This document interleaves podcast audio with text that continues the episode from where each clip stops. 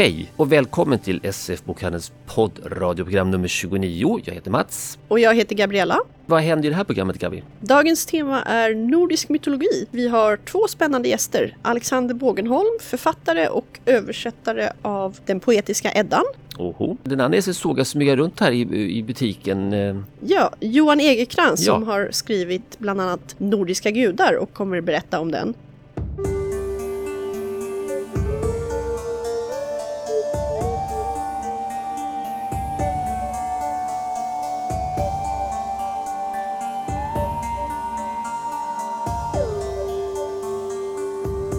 Vi har även en tävling där man kan vinna ett signerat exemplar av Nordiska gudar. Så skicka bara in ett förslag på ett ämne som vi borde ha i podden under detta år. Skicka antingen till fragor.sfbok.se eller till vår Facebook-sida och märk gärna din fråga som poddtävling. Vad roligt, det ska jag göra. Mer, jag tycker det bara ska handla om rymden hela tiden, alltid. Vi vet Mats. Jaha. Vad har vi mer? Har vi boktips? Vi har flera boktips och speltips. Andres och Lilly pratar om de utmärkta spelen Odins Ravens och Blood Rage. Men eh, då ska vi lyssna på mig och Alexander Bågenholm diskutera Eddorna och de nordiska gudarna. Vill jag säga hej och välkommen till Alexander Bågenholm. Tack. Du är, ja vad är du för något? Berätta! Vad jag är? Jag är författare bland annat och det första jag gav ut formellt sådär, det var den poetiska Eddan, en nyöversättning. Det är det du är här för att prata om, nordisk mytologi med oss, eftersom det är någonting vi tycker är jätteintressant och dessutom har influerat fantasygenren en hel del. Ja, det har det verkligen. Om vi börjar lite med ditt expertområde, den poetiska Eddan och de andra källorna. Vad är det för något och vilka är de viktigaste texterna? Jo, där kan jag svara en del. Jag har ju också magisterexamen i religionshistoria så att jag har verkligen grävt ner mig i detta.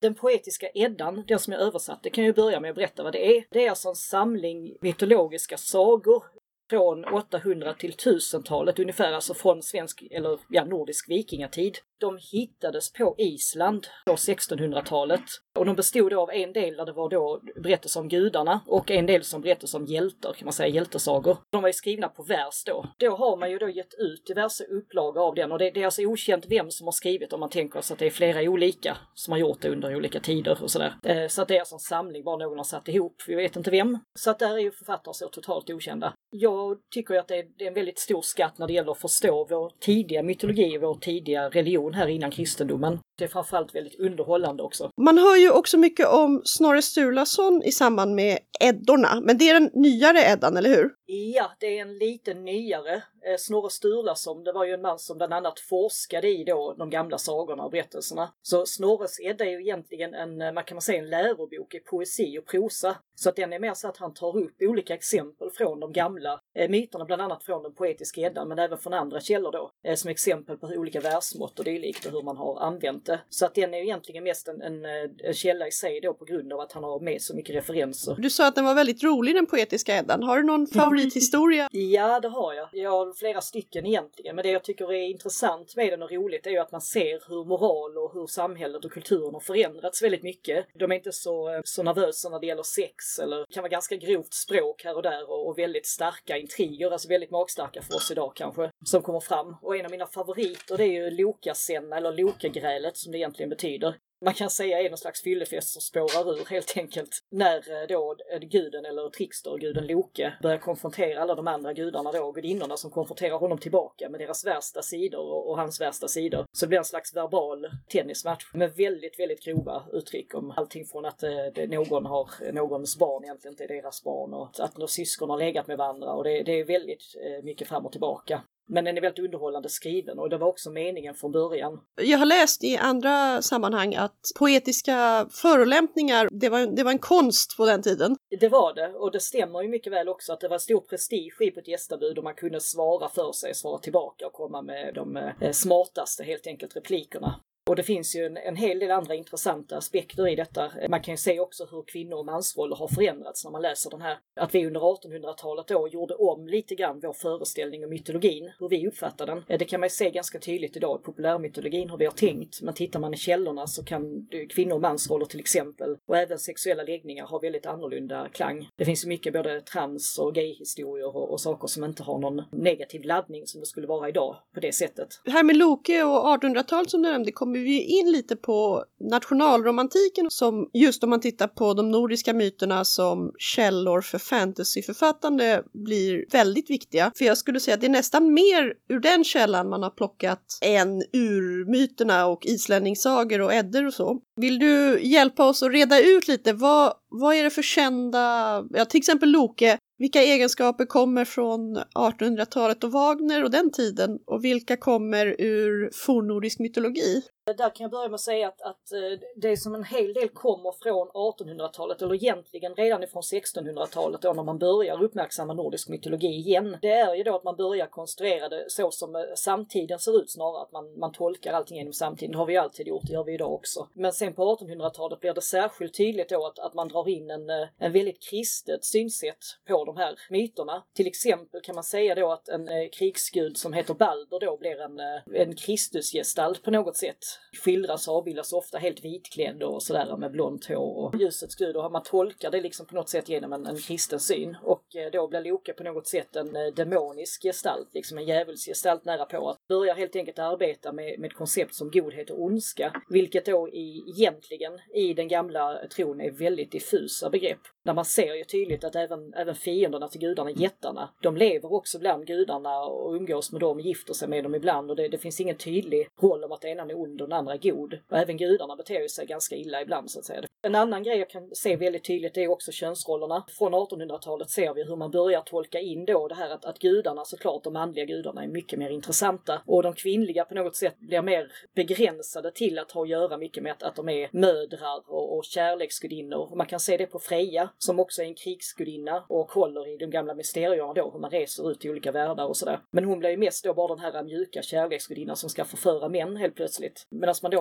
har koncentrerat sig så mycket på de manliga gudarna så har man då tyckt att Tor var den som måste ha dyrkats mest om man har tittat på ortnamn och tänkt att han måste ja. ha dyrkats mest i Sverige. Men sen i ny forskning har man nu tittat om på ortnamnen och då har man då tagit hänsyn till gudinnenamnen också, vilket man inte gjorde innan. Och det visade sig att det är Freja som verkar ha haft mest kullplatser. Så där, där är också en tydlig grej att vi börjar på något sätt konstruera den här gamla bilden igen. Men det är jättespännande att höra. Du pratar om nyare forskning och jag är inte insatt i den, men jag tycker inte så mycket av det här har hunnit komma ut i populärvetenskapen mer lättillgängliga texter och så än. Nej, och det är ju ett problem problem på, alltså i allmänhet på akademisk nivå, det pratar man ju om i alla möjliga ämnen på universitetet, att man ofta säger att nutiden är, eller så här populärkulturen är kanske 50 till 100 år back från aktuell forskning. Att det tar tid för det att sjunka in. Ett speciellt ämne är ju genusvetenskap, där är det ju extremt, där är vi nästan 100 år back från hur man gement tänker alltså i populärkultur. Men, men man kan ju säga att, att även här i religionshistoria och annat så det är klart, det är ju ett fackområde. Man orkar inte vara uppdaterad på allt såklart, men eh, det tar lite tid och vi är så vana vid vår kultur också,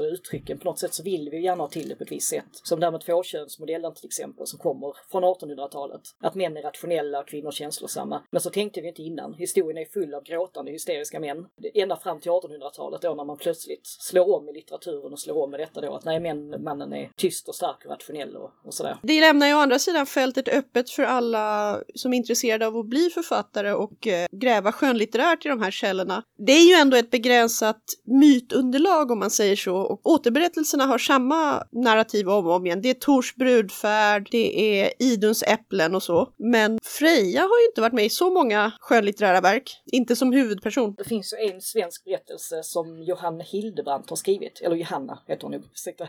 Det handlar ju om bland annat då Freja som en huvudroll då så att säga, men då är hon en, en människa så att säga, då hon har tolkat henne som en, en magikunnig människa som levde på bronsåldern. Eh, men i övrigt då som gudinna så är hon inte speciellt framträdande och det kan också bero lite på att vi har väldigt lite material bevarat om Freja i myterna. Det vi kan ja. se är ju mest i arkeologiskt material kanske och i ortnamn och annat att hon har varit stor. Men vi har väldigt, väldigt lite bevarat kvar. Vi får gissa mycket. Det är inte som till exempel Tor är ju nästan varandra myt känns det som handlar om honom eller om, om någonting han gör och sådär. Och, och det är ju för att vi har kanske bara då mest den poetiska Eddan och Snorres Edda till, till, tillhandagå och några andra källor, men det är det mesta vi har. Då blir det automatiskt på det sättet. Till exempel Peter Madsens tecknade serie Valhall, han har ju tagit upp ganska många saker. Framförallt den här nya utgåvan, väldigt fin med fem band inbunden. Den eh, innehåller ju fotnoter där han förklarar också att här har jag vävt ihop två myter eller två fragment av berättelser som nämns i någon saga och, och sen har han ju också tagit sig skönlitterära friheter, skapat berättelser som ibland funkar bättre med eh, våra tolkningar än om man skulle rent återberätta myterna och en modern läsare kanske bara säger men vad, vad hände nu? Nu förstår jag inte. En annan källa, det hör inte riktigt till nordisk mytologi, men just när man kommer in på 1800-talet är ju Nibelungensagorna och hela den sviten av berättelser. Eh, Bland annat då i gräns för den stora operatrilogin och som ligger i, som en skugga kan man säga över Tolkiens Sagan om ringen såklart. Ja, det gör det ju. Det är mycket influerat i. Lite grann kan jag i alla fall nämna alltså kring det. Nibelungen-sagan, alltså den operan som skrevs på 1800-talet, den baserar ju sig på Nibelungensången som är en, eh, kan man säga, ett hjältepås från 11-1200-talet. Det är skrivet någonstans där. Eh, man vet inte exakt. Mm. Och där är det ju också, de har ju blandat in då stoff eller berättelser från Poetiska Eddan i den och eh, från Völsungasagan också som är en, en slags sagogenre också med berättelser om kungar och hjältar från vikingatid och, och längre tillbaka.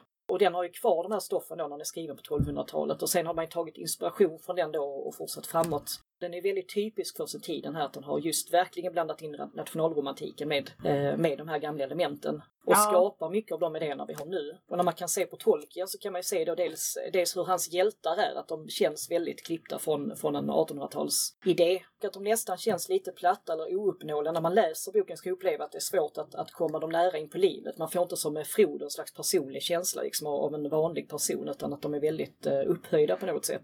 Och också då att, att man kan se i Bilbo att dvärgarna där är ju döpta efter nordiska dvärgar då som finns i Eddan bland annat. Så man kan ju se att han har helt klart läst på där och, och varit influerad. Är det ur Nibelungensagan eller den tiden där den här lite konstiga ihopblandningen av Loke som en eldgud kommer? Den kan ha kommit, eh, om du tänker på 1800-talet så tror jag att den har kommit lite tidigare men det handlar nog om att man inte vet ursprunget till Lokes namn.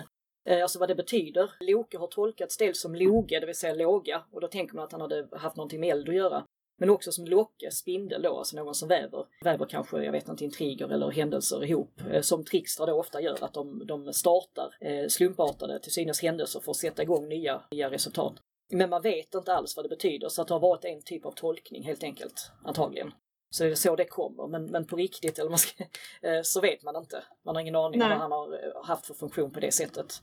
Man har tolkat honom som en trickster då, en, en typisk typ av arketyp i gudavärlden. Som är kulturheroer ofta, att de, de bringar ny kultur men de gör det både på gott och ont. De kan både vara väldigt jobbiga och sen samtidigt rädda mycket situationer. De hjälper till mycket och stjälper mycket. Mm, det låter ju bekant. Från Afrika kommer ju Anansi, spindelguden, tänker jag, Ja, och Prometheus ur den grekiska mytologin. Det är ju en mytfigur som i stort sett helt saknas i senare kristen mytologi. Kanske en av anledningarna till att Loke är den som förändras när man tittar på det ur ett kristet perspektiv. Ja, och man kan se det också i 1800-tals illustrationer, återkommer jag till det igen.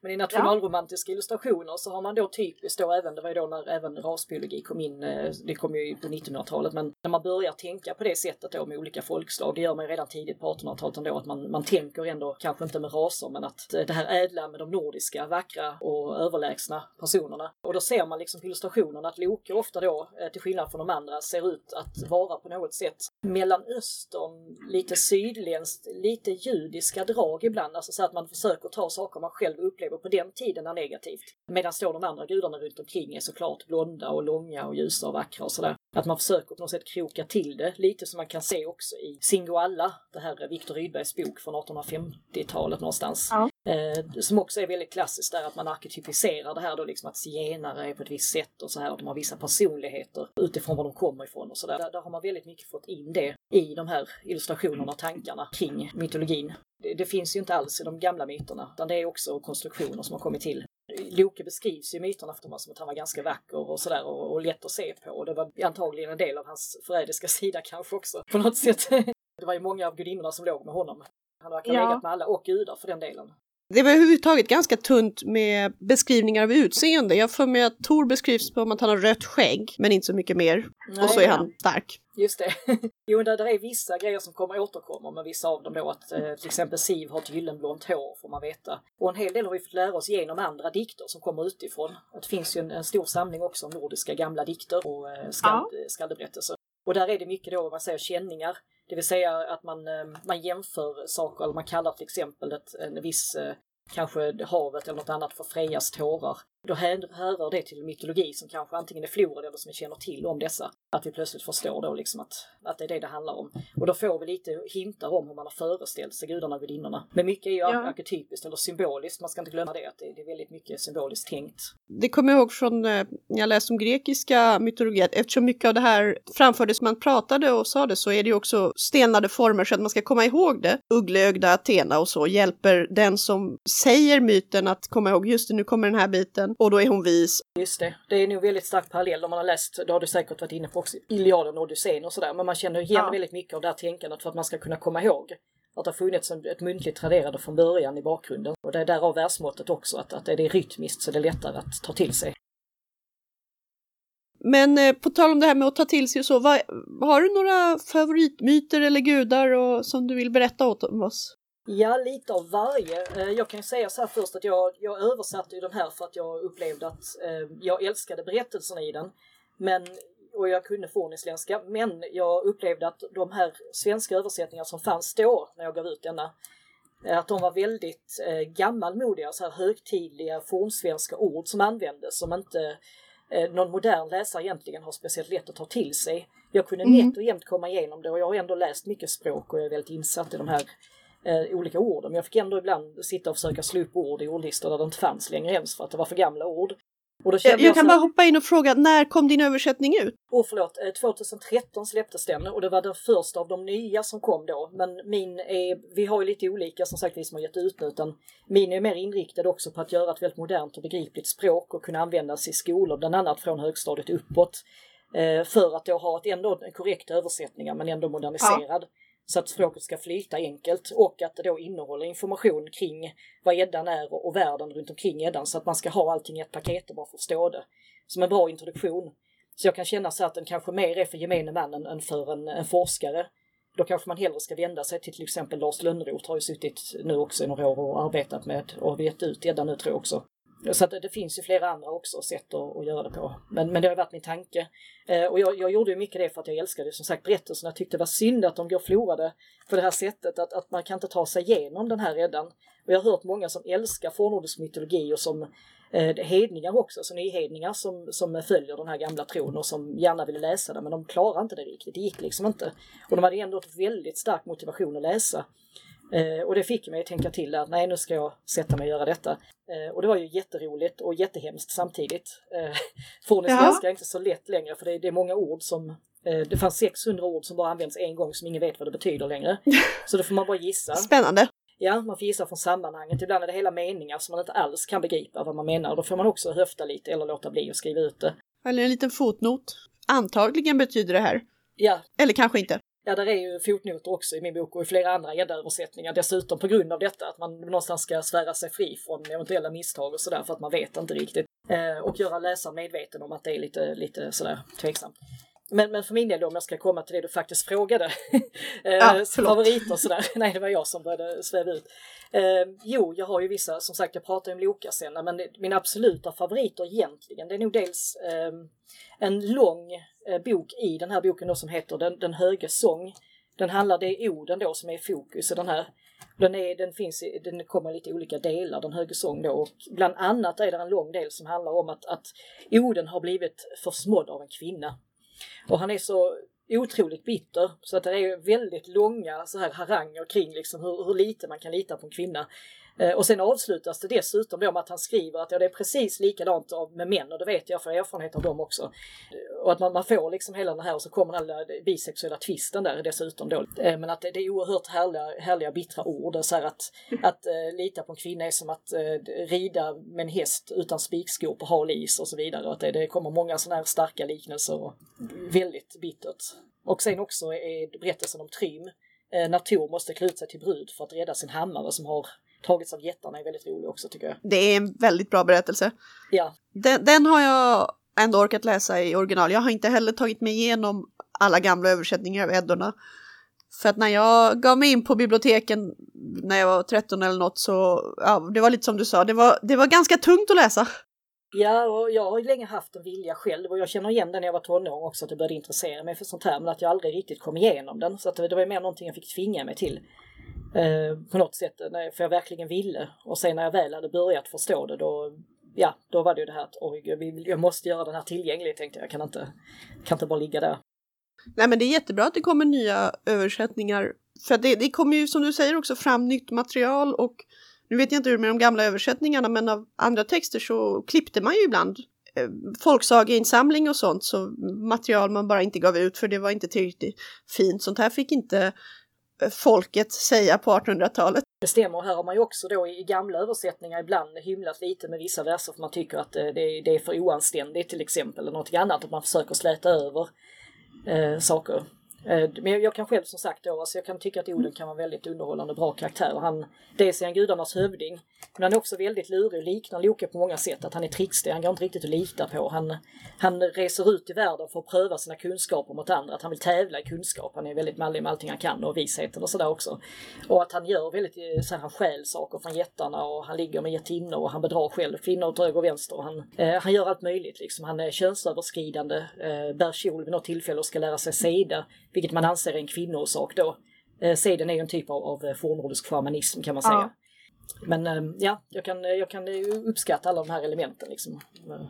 Ja, det tänkte jag fråga, hur mycket vet, vet vi någonting överhuvudtaget om hur dyrkan av gudarna gick till på den tiden? Alltså inte, inte mytberättelserna nu utan eh, tempel eller? Eh, man vet en del faktiskt. Eh, mycket har ju kommit från arkeologiskt material men sen har vi också vissa skriftliga eh, beskrivningar och de har ju kommit bland annat från, dels har vi försökt ta del av isländska sagor och hur man då utför kulten i dem så att säga för att försöka förstå. De är ju bland annat från ungefär från 1200-talet kanske en del av dessa då.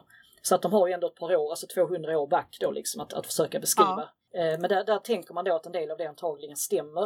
Eh, vi har också eh, till exempel lagtexter, faktiskt då kanske oväntat, med gamla medeltida lagtexter där man då berättar om till exempel då, hur det är förbjudet, alltså om man till exempel gör så här och så här då kultiskt så får man böta eller något annat. Och, och då är det visade och beskriver de då alltså det typiska då gamla förkristna traditioner. Ja. Och lagtexterna kommer till under kristen tid så det är plötsligt förbjudet. Sen har vi ett par exempel som vi inte riktigt vet hur vi ska ställa oss till. Bland annat, alltså vi har dels i Ibn Fadlan, tror jag det uttalas, eh, som skrev en bok om ruserna, alltså ryssarna. Och vi hade ju koloni, höll jag på att säga, men det, vi, vi, hade ju nordiska vikingar så att säga i Ryssland. Eh, och där skriver sån här arabiska resenären då om en, eh, att han får då bevittna en, en, eh, en dödsrit, bland annat då en nordisk, fornnordisk dödsrit. Eh, samt då Adam och Bremen har vi också eh, som då aldrig besökte Uppsala men det finns ändå en, en berättelse då i en bok där om, om, han, om en Uppsala blot helt enkelt hur det ska ha gått till. Men det är också lite tveksamt, vi vet inte, det är en andrahandskälla och vi är inte riktigt säkra på hur mycket eh, som är sant och inte. Men vi är ju medvetna om vissa, vissa saker, att, att det fanns eh, gudabilder av något slag. Eh, att man offrade eh, till gudarna eh, djur, kanske människor och eh, även annat. Det kunde vara, vara grönsaker, frukt och allt möjligt. Men eh, att det fanns vissa sådana här typer av, av eh, och att man då, det fanns något som kallas blotdräkt, man tog på sig en speciell dräkt när man skulle blota, det vill säga offra. Och att den var röd tydligen, i alla fall i vissa fall. Man kan inte veta. Det, det är också det är inte som idag riktigt att vi, vi eh, när man tittar på kristendomen idag så har den ju, den har också vuxit fram så lite med, med små enheter som sen har vuxit ihop och skaffat en gemensam lära och en gemensam praxis. Men på den här tiden så är det ju verkligen så här att det finns inte riktigt den typen av, av eh, det är ju inget masskommunikationssamhälle, eh, hur de gör uppe i, i Stockholmstrakten kanske helt skilt, skilt från hur de gjorde i Skåne eller i, i, någonstans i Norge, en liten by. Att man har sina lokala sedvänjor också och lokala gudar och gudinnor som kanske bara finns på ett ställe. Så det, det gör ja. att all gammal religion kan vara väldigt svår att, att göra, få ett starkt grepp och en översikt över. Ja, nej men det, det är ju sånt man måste vara medveten om och som du sa också även andrahands, tredjehandskällor. Någon hörde av någon som hörde av någon vad de där barbarerna i norr hittar på. Men det är kul ändå att få höra att det finns källor för det är också, man läser så kan man lätt få intrycket av att det i stort sett allting är försvunnet. Vi har kvar Eddan och that's it. Ja, det finns ju ändå en hel del, alltså det, hel del, det finns inte hur mycket som helst, men det finns ändå tillräckligt mycket för att man ska kunna pussla ihop någorlunda. Det finns ju mer än poetiska eddan. Men när det gäller just religionen så brukar den räknas som en av de här grundläggande verken, liksom, som, eh, där vi får veta mycket om hur man föreställer sig gudavärlden kanske snarare. Jag tänkte fråga nu om inte gudarna utan om en del av de andra väsen, för alver eh, är ju språkligt sett, alltså kommer de ju ur, ur nordiska språket, ordet alver. Men det är ju väldigt influerat av keltisk, irländsk mytologi och, och en massa annat. Det, det är ganska rörigt det där. Men hur, hur framställs allvarelserna i nordisk mytologi? Eh, där är det intressant för det är ju inte riktigt den bilden man kan få när man tittar på Tolkiens alver. Här, alltså alver betyder väldigt olika saker. Det betyder någon typ av, av andeväsen egentligen, bara kort och gott. Eh, och det kan hänsyfta på Okej. naturväsen, eh, men det kan hänsyfta på de döda också, alltså avlidna andar. Så att alvablot är någonting som kallas då, och det, det är ju alltså sära blod för de döda. Eh, att man offrar till sina förfäder och sådär. Eh, och sen kan alverna eh, samtidigt då vara naturväsen som bor i stenar eller som, som bor i träd eller då vara anden av det trädet eller vad man ska kalla det. Så det finns en ganska eh, stor bredd där i hur man använder uttrycket. Ja, precis. För jag, när jag läst så tycker jag också att man tittar både alver och dvärgar verkar i stort sett vara samma väsen i nordisk mytologi. Eh, och sen har det i, i våra moderna sagor splittats upp till två olika folkslag, arter, vad man nu ska kalla det. Ja, Och sen det, men det här om att det var de döda också, det hade jag aldrig hört. Jo, det, det kan eh, mycket väl hänsyfta till det. Eh, och också när man tänker på dvärgarna där, de, är, de skiljer sig inte som du säger jättemycket från alverna, men lite grann gör de, för de känns mer distinkta som en egen typ av, av väsen. Eh, lite grann, men samtidigt är de också ehm, lite speciella, samtidigt som att dvärgarna mycket väl kan då smida och bo under jorden och sådär som vi är vana Mm. vid att se det. Så är de samtidigt kanske då ansvariga mer också som naturväsen som hjälper till att hålla uppe himlevalvet till exempel. Eller någonting, att de, de är mer abstrakta koncept. Så de, de räknas ju också som någon typ av andar som, som arbetar på, det, på, på olika sätt, som, som är symboler för olika saker. Ehm, så att där, där kan det också skilja sig väldigt mycket. Och det där har vi ju ingen tydlig bild av egentligen i forskningen, alltså hur man egentligen skulle särskilja en alv och en dvärg ordentligt. Vi har ju ingen, eh, vi har ingen katolsk uppslagsbok så att säga där med, med väldigt nära beskrivningar av vad allting består av och vad det är och, och så, utan eh, man får ta från myterna och gissa sig till hur man har tänkt. Nej, jag, det, ungefär det enda man kan säga är ju att eh, håll undan hela sidefolken från det nordiska dvärgasläktet och alvsläktet. För de är olika, olika saker i grunden. Det är det ju absolut. Alltså vi har ju från och med Tolkien kan man säga så har det vuxit fram en helt ny tradition av de här varelserna eh, som senare då har vandrat vidare i, i, eh, i fantasy och sådär. Och det, det är ju inte fel alls men det, det är inte så mycket hur man tänkte sig ursprungligen så att säga utan det är inte de här högresta Nej. vackra varelserna som Nej, nej och det, det är ju spännande hur vi fortfarande kan hitta stoff i de här gamla myterna och återberätta på nytt sätt. Återberätta våra återberättelser på nytt sätt. Det, det är ju hela idén med litteratur på något sätt. Ja, och jag tänker också att, att, att det här håller också fortfarande tror jag för att det använder sig av alla de här eh, historiska, alltså eller vad ska jag säga, klassiska berättarknepen. Eh, man kan ju titta till exempel på man har pratat om, om eh, grekiska dramer, varför vissa av dem håller så bra än idag. Eh, och att det har ju också med berättarteknik, alltså klassiska återkommande arketypiska grundkoncept att göra. Till exempel Oidipusmyten används ju i, historieberättarkurser som en sån där, man kan säga ett slags basverk för att tänka på hur man kan lägga upp en berättelse. Och här kan man också se tendenser av detta, liksom hur de lägger upp och, och, och ehm, även när det gäller episka då, berättelser och eh, till exempel som då det finns en berättelse i Poetiska Eddan som avviker från de andra för att de handlar inte om gudarna eh, så mycket då, utan de handlar om valkyrier bland annat då. Den, Sagan om Vollund heter den. Eh, och det, det har med tre valkyrier i centrum ofta som sätter igång då saker och en av valkyrierna gifter sig med en man som heter Vollund. Sen handlar mycket om han, att han blir tillfångatagen och hans hämnd.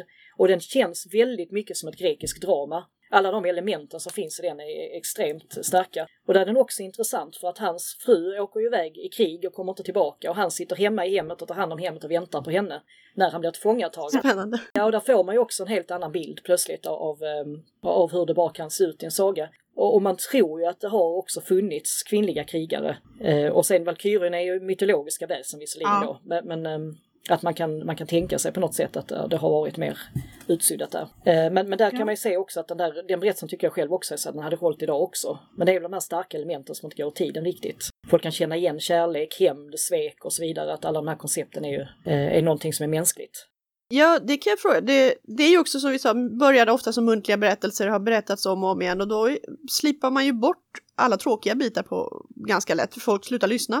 Men hur länge ungefär berättades de här myterna? Hur gamla är asagudarna på det sättet? För att det blir ganska intressant när man jämför när det är vikingatid i Sverige så är det ju faktiskt högmedeltid i stort sett nere i södra Europa. Men när började det? Ja, det, det, är en bra fråga. Uh, ja, vi var ju alltid, vi, vi har alltid varit lite sena i Sverige. När jag läste historia fick vi veta då att när vi... Ja, det är kallt här uppe. Ja, det är kallt och vi är långsamma.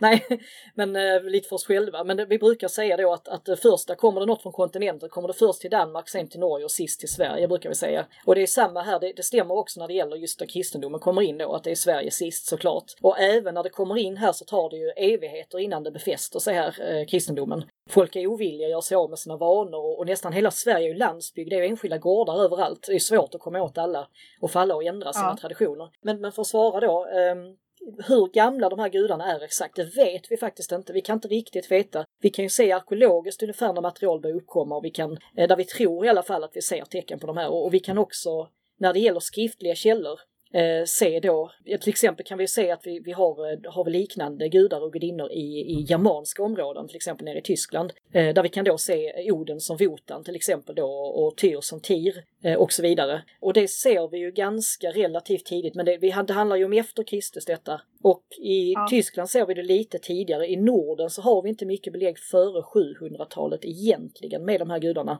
Eh, och sen är det också osäkert så att vi vet egentligen inte hur länge de har traderats. Vi kan ju också vi kan hitta spår såklart också från England eftersom vikingar varit där, men då är det mer också 800 till, till eh, 1000-tal. Men vi, vi har, det, det, är väldigt typiskt vikingar innan dess, alltså till exempel vendeltid finns ju också då, alltså tiden innan vikingatiden och folkvandringstiden som är den tidiga medeltiden då, efter Kristus fram, fram till 500 efter ungefär. Och, och där har vi inte mycket belägg för de här utan det, det är mer um, där är det mycket mer osäkert vad vi har hållit på med. Så att, nej, vi, vi, vi, har ju liksom, vi, som sagt, det arkeologiska materialet är väl något tidigare och sen så kommer det lite senare in, i, vilket är naturligt då, det brukar vara så. Eh, så texterna kommer in senare. Ja. Men eh, man kan ju se paralleller både keltiskt och germanskt. Eh, redan från 100 efter Kristus har vi lite paralleller då, som är nedskrivna av en romare eh, som hette Tacitus, tror jag vi uttalade på svenska. Eh, som har skrivit, det heter Germanerna, hans verk, och då, då skriver han lite bland annat då, om religion och kult eh, i den.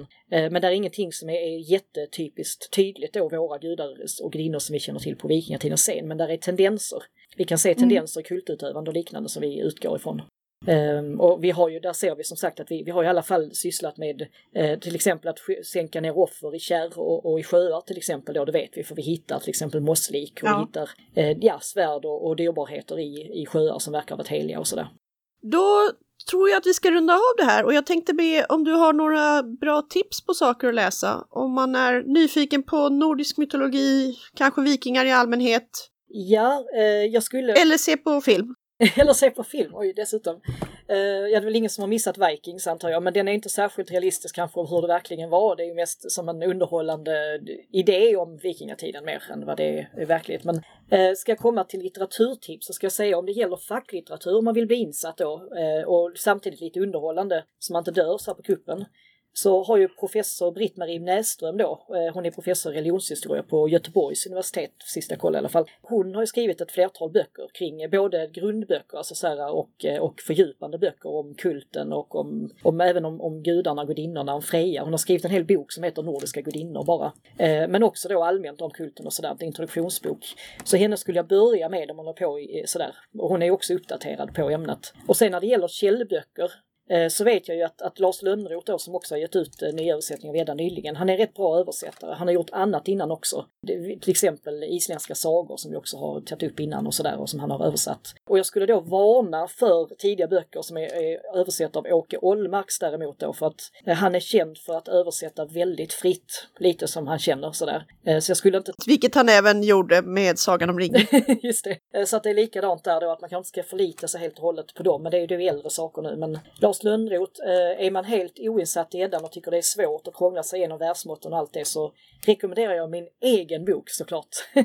Ja. Eh, kan man börja där och sen kan man då gå vidare sen när man känner sig lite så här, eh, liksom säkrare och, och kaxig och sådär. Så kan man tänka, ja, nu vet jag precis vad det handlar om, nu, nu kör jag med de här tyngre grejerna. Men det är ju mer en inkörsport i så fall. Men Britt-Marie mm. Näsström definitivt och Lars Lönnroths översättningar tycker jag är jättebra. Så det, det skulle jag nog tipsa om sådär rent då ska jag tacka så jättemycket Och nu kommer vi höra en intervju med Johan Egerkrans som har gjort den illustrerade boken Nordiska gudar. Jag sitter här med Johan Egerkrans. Hej! Tjena! Du har skrivit Nordiska gudar som vi tänkte prata lite om. Ja, och ritat. Och ritat. Vad fick dig att vilja göra det? Jag gjorde ju väsen, Nordiska väsen för tre år sedan. Tre och ett halvt år sedan är det väl nu.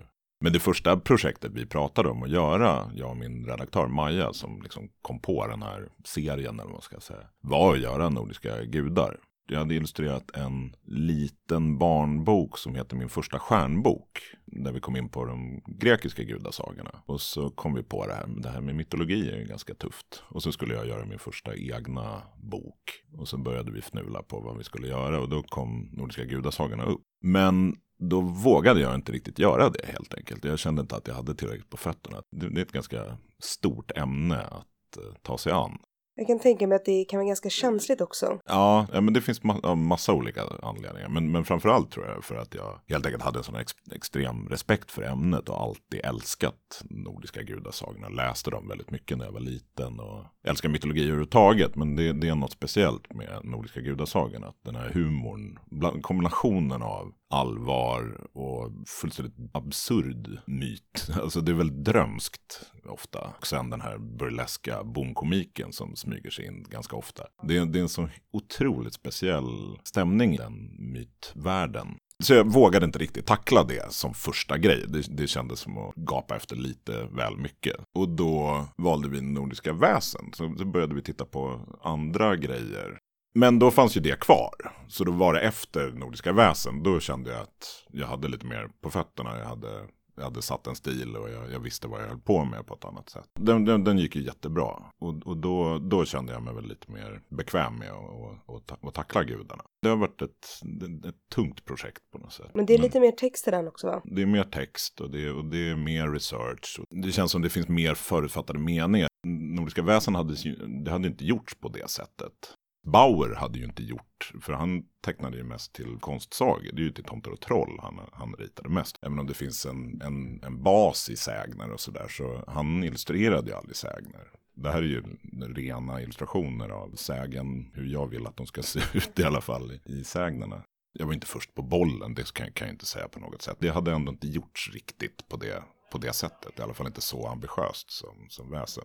Medans de nordiska gudamyterna har ju tolkats av väldigt mycket olika skickliga konstnärer förut. Det finns verkligen någonting att jämföra med. Man ställer, jag ställde mycket högre krav på mig själv helt enkelt. Plus att boken, den första boken hade gått bra också. Så man ville att den skulle Just det, gå... no pressure. No pressure. Ja men det är den, den svåra tvåan. Men det Den är, den är the wall liksom. Ja, den har faktiskt gått ännu bättre än Nordiska väsen. Första året, om vi tittar på första halvåret, den har varit ute ett halvår, så har den sålt nästan tre gånger så mycket. Det, folk gillar ju böckerna och det är jättekul. Alltså jag får ju väldigt mycket input från folk och, och folk pratar med mig på Facebook. Och jag, jag startade upp en Facebook-profil, som är liksom en offentlig profil. Och det har varit väldigt kul för folk bara så himla glada i, i böckerna. De, Mm. de gillar dem verkligen. Och det, det är jättekul att få göra något som, som Det- folk blir glada av. Och med dina konstplanscher har vi gått rätt bra också. Ja, ja, det har de gjort. De, för att göra reklam för Ja. ja. på Cannes. För de Nej men, väl jag, bara nej men jag bara tänkte, är det så? Jag visste inte det. Det Alltså det, det, det, är- det är inte en stor del av de från- planscherna från, var från början, om vi pratar om väsenplanscherna, de var ju från början bara tänkt som marknadsföringsmaterial. Mm, Okej. Och sen så visade det sig att folk ville köpa dem också. Jag bara vet att det brukar vara katastrof när någon är slut. Men om vi går tillbaka lite till eh, Nordiska gudar, själva boken med illustrationer och så. Hur gjorde du när du skulle illustrera?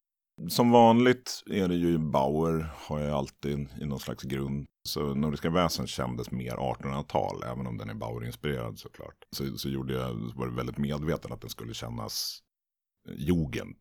Det, det är en period som på något sätt synkar ganska bra. Det, det är en, en, en flört med nationalromantiken när det liksom den, man började, alla de här liksom gator i Vasastan heter någonting efter, ja, men det är liksom Odengatan och jag bodde på Frejgatan och jag bodde i Vasastan och, och Vanadis och allt det här. Det, och, hela den stadsdelen är väldigt jugensk, eller vad man ska säga. Eh, och det är då en stil som växte fram tidigt 1900-tal. Nu är ju, John Bauer är ju en jugendtecknare också, så det är, inget, det är inget konstigt. Men jag tog in väldigt mycket inspiration från, från lite andra håll från den perioden. Eh, som eh, Klimt och eh, det finns en dansk motsvarighet till, till John Bauer som heter Kai Nielsen. Som, som ritar lite mer sirligt och sådär. Han har nästan tagit in lite ja, japanska influenser i, i sina, sina, sina målningar. Han är också han är helt fantastisk. Eh, men, men, men försökte hålla ett lite stramare formspråk och, och ha illustrationer som är lite mer avancerade än i Nordiska väsen. Nordiska mm. väsen är ju mest, mest rollspelsillustrationer. En gubbe står och ser cool ut. Mm. Eller arg ut. Eller, de ser oftast arga ut. Mina gubbar har förmåga att se ganska buttra ut. Mm. Eh, men i Nordiska gudar så har jag försökt göra mer ja, illustrationer helt enkelt. Som, som, som, som beskriver scener. Jag har försökt ge det mer strama, stiliserade kompositioner. Mycket med en central figur och sen mm. så böljar saker runt om. Och, men, men, ofta ett väldigt centralt perspektiv och sådär. Liksom ganska mm. stelt, teatralt på något sätt. Men de är otroligt detaljerade med mycket små saker och spännen. Ja, och... det är mycket detaljer, men mm. det är mm. ofta själva formen i bilden är ofta väldigt enkel. Det är väldigt enkla kompositioner och sen så suddar man ut gränserna lite grann med, med detaljer. Men, mm. men jag försökte ha väldigt klina, klina bilder på något sätt. I alla fall att idén är clean. Och det, och det, ja, men det synkar mycket med, med, med yogat. Men sen har jag också tagit in, för att det inte ska vara, jag vill inte att det ska vara pastisch heller. Utan det så här, vissa bilder är lite så, andra bilder är mer bara ren fantasy. Jag har tagit in influenser av sådana moderna skap serieskapare som Mike Mignola och som också har ett väldigt stramt formspråk i och för sig som, som passar väldigt bra med det här. Men, men, eh, men jag har tagit in inspiration från ja, Frank Frazetta, Simon Bisley, de här fantasy fantasy-klassikerna också. Och, och sen mig själv såklart. Det, mm. det skiner ju alltid igenom tursamt nog att det är jag som har gjort det. Så det, det, det svajar lite grann. Men det, det var, i början tyckte jag att det var ett problem. Men så här i efterhand också när man har lyssnat på vad folk tycker så, så gillar folk det. det. Det är ändå alltid, min stil lyser alltid igenom och sen så är det lite olika stuk på, på de olika illustrationerna. Men att det inte gör så mycket. För det, jag anpassar lite stilen efter vad en viss illustration ska säga. Och sen en annan grej som jag vred och vände på väldigt mycket när jag skulle göra boken var väl hur mycket ska man illustrera? Vad är det jag ska fokusera på att, att teckna? Och det, eftersom myterna är så drömska och nästan absurda ibland det, det, det, och, och, och, skalan är så stor. Så insåg jag ganska snabbt, jag kan inte, jag kan inte rita Valhall med 500 dörrar som är så stora så att 800 man kan gå ut bredd i bredd, axelbredd ur, ur dem. Vad heter det? Ja, då får man rita en karta. Men, ja.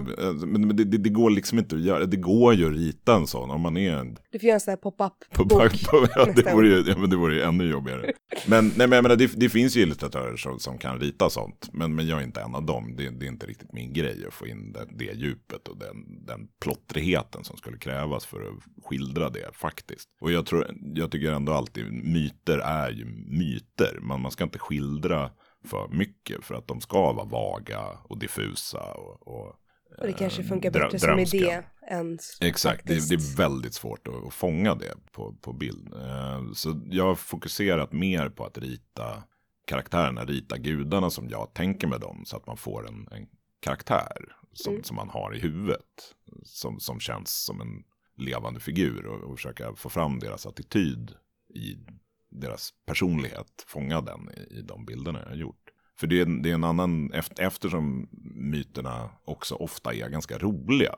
Och det har jag försökt få fram i texten så mycket som möjligt. Men däremot har jag försökt hålla mig från att rita gudarna i, i de här roliga situationerna. För jag tycker det är roligare att man har den här episka bilden av dem. Mm. Och sen så drattar de på ändan i historierna. Men det är roligare att ha den här bilden av den här episka, mytiska, storvulna hjälten. Och sen så, sen så har du Tor simmar i en flod av kiss. Mm i, berättelsen. Men det, det, är inte lika roligt. Det, man, man, behöver inte rita Tor simma i kiss då. Det, behöv, det, blir det behövs. alltid det blir roligare lite... om man föreställer sig det. Kanske. Ja, precis. Det blir mycket roligare i huvudet. Den bilden man får i huvudet är alltid mycket bättre.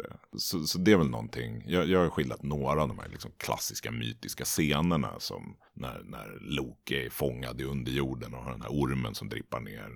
droppar ner eh, ettor i ögonen på honom. Den, den, den klassiska bilden ville jag göra. Och jag har ritat skapelsen. Eh, men men jag, har inte, jag har inte ritat när Oden ve gör världen av Ymer. För det är också så otroligt abstrakt. Utan jag, jag har gjort mer en fighting-scen då när de, när de slåss mot Ymer. Så det är väl så jag tänkte. Jag, jag, jag har liksom ritat det jag känt att jag har kunnat illustrera på ett bra sätt. Och sen det andra lämnar jag, får vara, vara i texten istället. Men om man tänker på de kläder de har på sig, hur har du tagit inspiration till det? Jag har tittat på faktiska vikingakläder. Och sen har jag väl försökt göra så att jag är anakronistisk bakåt i tiden. Men inte så mycket anakronistisk framåt i tiden. Så, så att jag drar någon gräns vid tusentalet ungefär. Eh, och sen, sen tänker jag att det här utspelar sig i någon slags mytisk dåtid. Som är innan vikingatiden egentligen. Så det, jag har ju tittat framförallt på vändeltid och sådär. Som är då mer, ja vad är det, sju, ja, 600-tal, 700-tal. Så det har jag kollat på. Sen har jag kollat på andra germanska stammar. Man har ju hittat lämningar i Tyskland och England och, och så. Så det har jag blandat. Och, och blandat in lite keltiska influenser och sådär. För att allting hänger ändå ihop väldigt mycket mer än man kanske tror. Om man tittar på hur, hur de olika folkslagen vandrade. Då, då hade ju, de här myterna uppkom ju på folkvandringstiden, 400-tal ungefär. Man kan blanda lite. Mm. Utan det handlar mer om att hitta någonting som känns rätt. Snarare än att det kanske är rätt. Det finns ju inget rätt och fel i alla fall. Mm. Utan det, jag har försökt bara blanda in grejer som, som, som funkar. Finns det någon rolig story bakom varför Oden har klassiska kvinnospännen på sina kläder? Ja, det är ju att han är en völva. Mm. Han, han är ju en, eh, eller en sejdar i alla fall. Eh, så, så han har ju, jag tog in det för att visa på hans påstådda omanlighet då. Som han, mm. han får ju skit för att han är sejdar ibland. Då, för, det, för det var ändå att, att trolla eller sia. Seida var, var en kvinnlig syssla. Han lärde sig det av Freja. Så då har jag gjort att han har delvis kvinnokläder på sig. Eller sådana här smycken som, som kvinnorna hade på sig. Eh, så det är väldigt medvetet för, för att Ja, det skickar en viss signal då. I alla fall om man rolig. var viking och tittade på det. Ja. Eller om man kan sina vikingakläder. Ja, rolig, rolig detalj. Ja, nej men det, det försökte jag få in. Du har ju precis varit med och illustrerat eh, Nya Drakar och Demoner. Ja.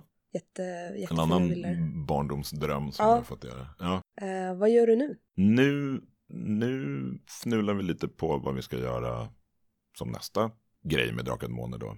Det, det kom, lär väl komma något mer där. Mm. Eh, Starten av en ny era. Ja, jag mm. hoppas det. Men det är kul. Spelet verkar gå väldigt bra. Folk verkar gilla det. Så det är mm. jätteroligt. Jag har fått jättebra respons på illustrationerna. Mm. Och det var ju verkligen på tal om ångestladdade projekt, det är, det är inte jättelätt att följa i Nisses spår. Så att säga. Nu, nu känner jag, no jag känner ju Nisse väldigt bra, vi har ja. jobbat ihop i tio år. Men, men, eh, men det var kul också, jag, jag, hade några väldigt bra samtal med honom innan jag gick igång med projektet. Så för att liksom få lite känsla för hur han tänkte när, när det begav sig. Så det, det, var, det var väldigt bra, jag fick väldigt mycket bra input från honom. Så jag, jag, jag men det var jättekul att göra. Och det, är verkligen, det var ju det som fick mig att bli nörd. Det var ju när jag upptäckte Drakar och Demoner när jag var 11 eller vad jag var 10-11 år. Så nej, det var jättekul. Jag har inte fått rita någon råttman än, så det längtar jag efter. För det var min första, min första gubbe, var en råttman. Sen kommer första expansionen. Rakt av baserad på, ja, den första expansionen Drakar och Demoner, råttmän. Precis. Om, om jag får välja. Ja. Nej, om, om jag fick välja så skulle det nog bli ankor. Ja, men, men, men, äh, men, äh, vi får väl se. Jag är väldigt glad att vi fick med att ankarna är med i alla ja. fall. För det, det, var, det, det var ett krav från min sida faktiskt. Att, ja, det, var, jag tänkte, det, var här, det var det första jag sa. När Theo kom och frågade om jag ville rita drakar. Så, ja, ska ankarna vara med? Annars så kan du glömma det.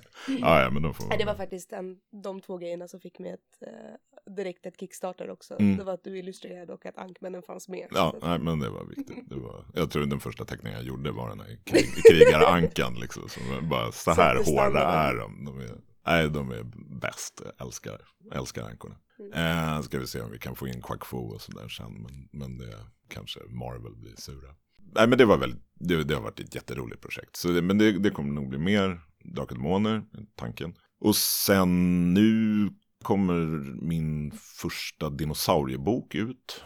Som ju också är ett sånt kärt ämne då från när man var liten. Mm. precis som mytologi. Hur ser den ut? Är det en stor bok eller är det liten? Eh, det är ungefär, det är samma format som Nordiska gudar och Nordiska väsen. Det, det är lite annan form på den. den, är, den men en ganska stram 50-tals design på den. Och sen så är det samma stil som de här pekböckerna jag har gjort. Så Mm. jag, det började helt enkelt med att jag hade, en- jag hade gjort den här pekboken, min första dinosauriebok. Och så hade jag lite schyssta dinosaurieillustrationer. Och så pratade jag och min redaktör och sa, men de här borde vi kunna använda till något annat. Vi borde kunna göra en riktig dinosauriebok med i den här stilen. Så gjorde jag det, så gjorde jag till ett stort gäng nya illustrationer såklart. Men jag har återanvänt några av de, de bilderna från första dinosaurieboken och sen har jag lagt till nya, ändrat lite på dem så att de stämmer lite mer anatomiskt. Men försöker hålla den väldigt stiliserade, teck, tecknad filmstil eller vad man nu ska kalla det. Eh, men sam, samtidigt som det ändå är ganska väl underbyggt. Det är hyfsat anatomiskt korrekt. Det är korrekta färger och korrekta, i den mån man kan avgöra det. Men också, jag, jag har tagit in en paleontolog som heter Ben som bor, jobbar i Uppsala. Som, som är jätteduktig. Och eh, har varit väldigt engagerad i boken. Så det är också väldigt roligt. Han, han gillar den jättemycket och tycker det är ett bra sätt att skildra dinosaurier. Mm. det kan nästan bli, jag kan tycka det blir ett problem med jag just nu har jag varit inne i en fas då jag liksom följer massa dinosauriebloggar och paleontologibloggar. Och, och väldigt mycket är ju otroligt superdetaljerat. Samtidigt som man ju inte alltid vet exakt. Det är ju alltid en gissning. Och jag kan ofta tycka att de här superdetaljerade teckningarna skapar en känsla av att man vet mer hur de ser ut än man faktiskt vet. Alltså det, det Mm. skapar en illusion av exakthet som faktiskt inte finns oftast. Ja, men den, den, den är ganska lekfull. Men det är, det är fortfarande en riktig bok på samma sätt som Nordiska väsen och Nordiska gudar. Även om den inte är lika tjock. Men det, det, är en, det ska bli väldigt kul att se vad folk tycker, tycker om den. Så det kommer ut nu och sen så ska jag börja på nästa liksom, väsenbok i, i den serien. Vad blir det för något? Det är, planen just nu är att det blir det, det odöda.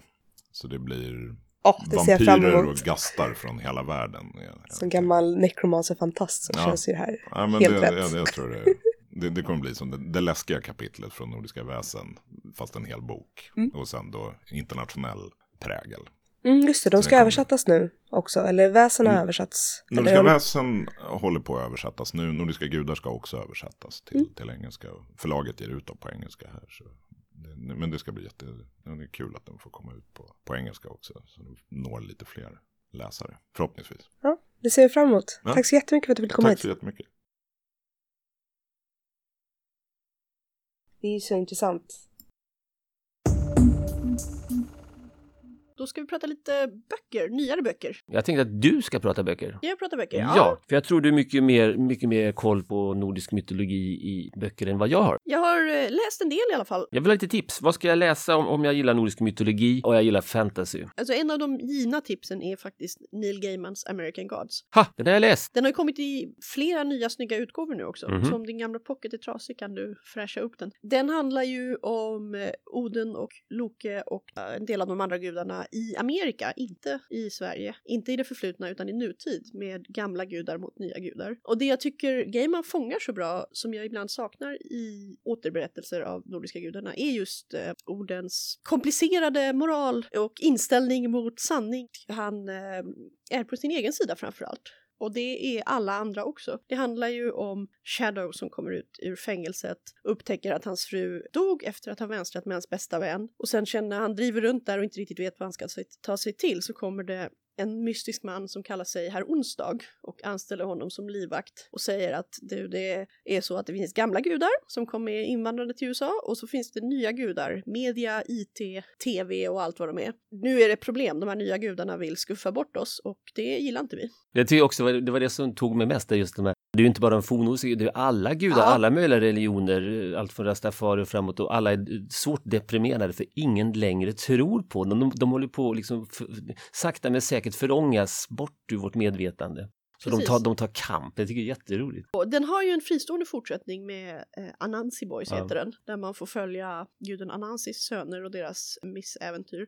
Även Sandman innehåller ju de nordiska gudarna och det är lite samma tema. Sandman handlar ju om drömkungen Morpheus. Det är Neil Gaimans genombrottsseriealbum. Mm. Tio volymer i huvudhandlingen så finns det lite side stories. Men eh, nu, vet, nu vet jag, för jag, jag såg på kommande böcker på vår hemsida att Gaiman kommer med Norse Mythology. Vad, vad är det?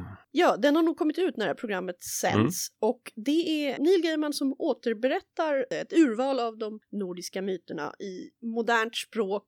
Så han har eh, vävt ihop det till en serie berättelser som är lättillgängliga, innehåller lite mer personporträtt kan man säga. Det är kanske något abstrakta figurer om man sätter sig med ur, urtexterna och berättar det. Han har ett ganska kul eh, förord också där han berättar hur han kom in på det. Han började läsa Marvels Tor och sen upptäckte han eh, på biblioteket då att oj, det var ju inte en särskilt trogen bild mot den historiske Tor. Är inte Marvel historiskt korrekt där? Säger? Är det det du säger? Ah, kanske inte helt. Jag som har läst rätt mycket nordisk mytologi i återberättelser tyckte att det, det mesta kände jag igen från Gaiman. Är man ny på området eller vill man bara ha ännu mer så är det välskrivet och så. Han har ju även skrivit den lilla Odd and the Frost Giant som är en söt berättelse om en vikingapojke. Jag tycker både den och American Gods är roligare för jag gillar Gaiman mer när han författar egna saker. Om, om jag nu vill läsa, jag vill, jag vill, jag vill inte läsa nutidsfantasy, jag vill, jag vill ha riktig fantasy, gärna fornnordisk. Finns, har du något lästips då?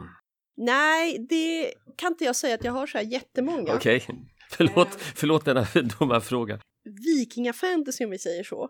Jag tycker inte jag har hittat någon som riktigt matchar med mig. Jag vet att vi har en del på hyllan som jag inte hunnit läsa, som Gospel of Loki, där han får ge sin egen syn på saken. Och den är ju mer episk fantasy vad jag förstår. Om man kan tänka sig att läsa ett seriealbum, då har jag ett tips för dig. För... Får, vänta, vänta, får jag avbryta? Ja. Jag måste bara innan vi släpper. För, alltså det, det finns ju något, vikingar i fantasyromaner. Hur ofta blir det bra? Aldrig, eller hur? Nästa. Jo, nästan, vänta, jag har ja. ett, jo, en gammal, gammal tips. Gig Aver Case, Last Light of the Sun, Solens sista stråle. Den är ju fantastisk. Och där är det vikingar. Men sen kommer inte jag på något mer. Men då får du berätta lite mer om den, för det är en Ga- Gabriel Kay som jag inte har läst. Aha, oho. Den utspelar sig i mötet mellan de tre stora kulturerna, nämligen vikingarna, anglosaxarna som möter kelterna. I den skärningspunkten i historien. Och som vanligt med GGVK så är det inte sådär jättemycket magi. Men det är, det är den här tvåmånesvärlden och det finns magi och huvudpersonen är pappa viking och sonen viking som blir otroligt osams och skiljs åt och så möts deras vägar på slutet. Men då har vi hunnit med in i den keltiska mytologiska världen.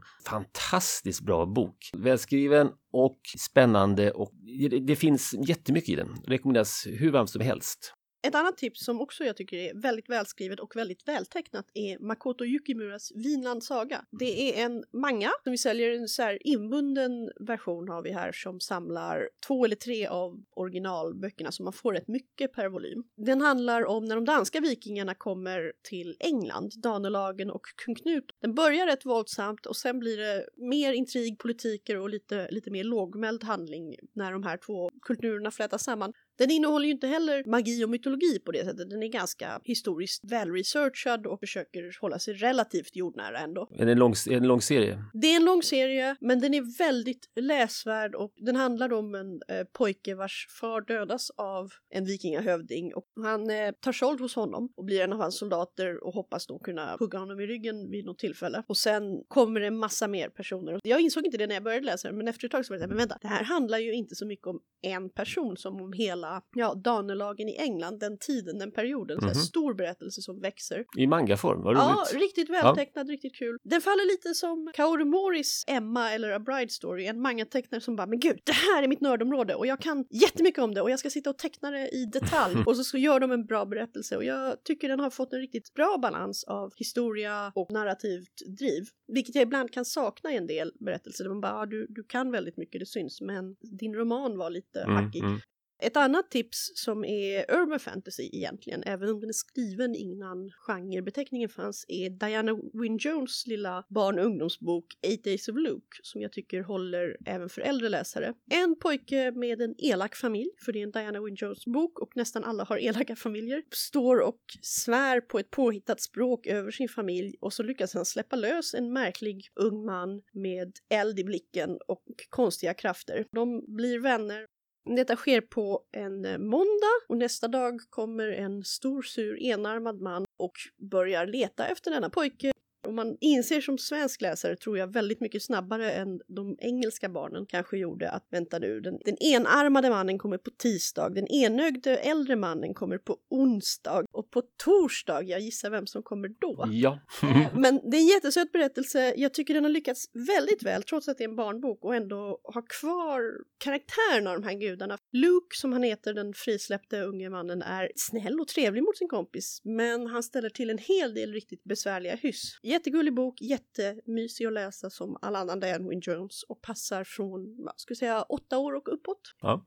Är vi klara? Har, har du några mer tips? Jag sitter och letar i mitt minne efter svenska författare på fornnordiskt. Det, det känns som jag borde ha en hel drös i bak i huvudet men kom inte riktigt på. Nej, annars, jag läste The Other Life av Julia Gray som vi säljer för att eh, på beskrivningen så lät det som två unga män är antingen någon slags återfödda asagudar eller kommer gå in i en magisk värld och möta asagudarna. Men det visade sig, det var inte riktigt den typen av bok. Det var en, en här ungdomsbok om att växa upp, släppa taget om, om en del problem och asagudarna är snarare lite visioner och symboliska hallucinationer. Så när jag kom in i den för första gången, men vad är det här? Så tyckte jag att det var kul skrivet, eh, språk som flöt på bra och det var intressant att läsa hela det här att det är en ung person som hittar de nordiska myterna och hittar sig själv i en del av berättelserna. Men det låg egentligen lite utanför ämnet. Mm. Vad heter författaren sa du? Julia Gray, The Other Life.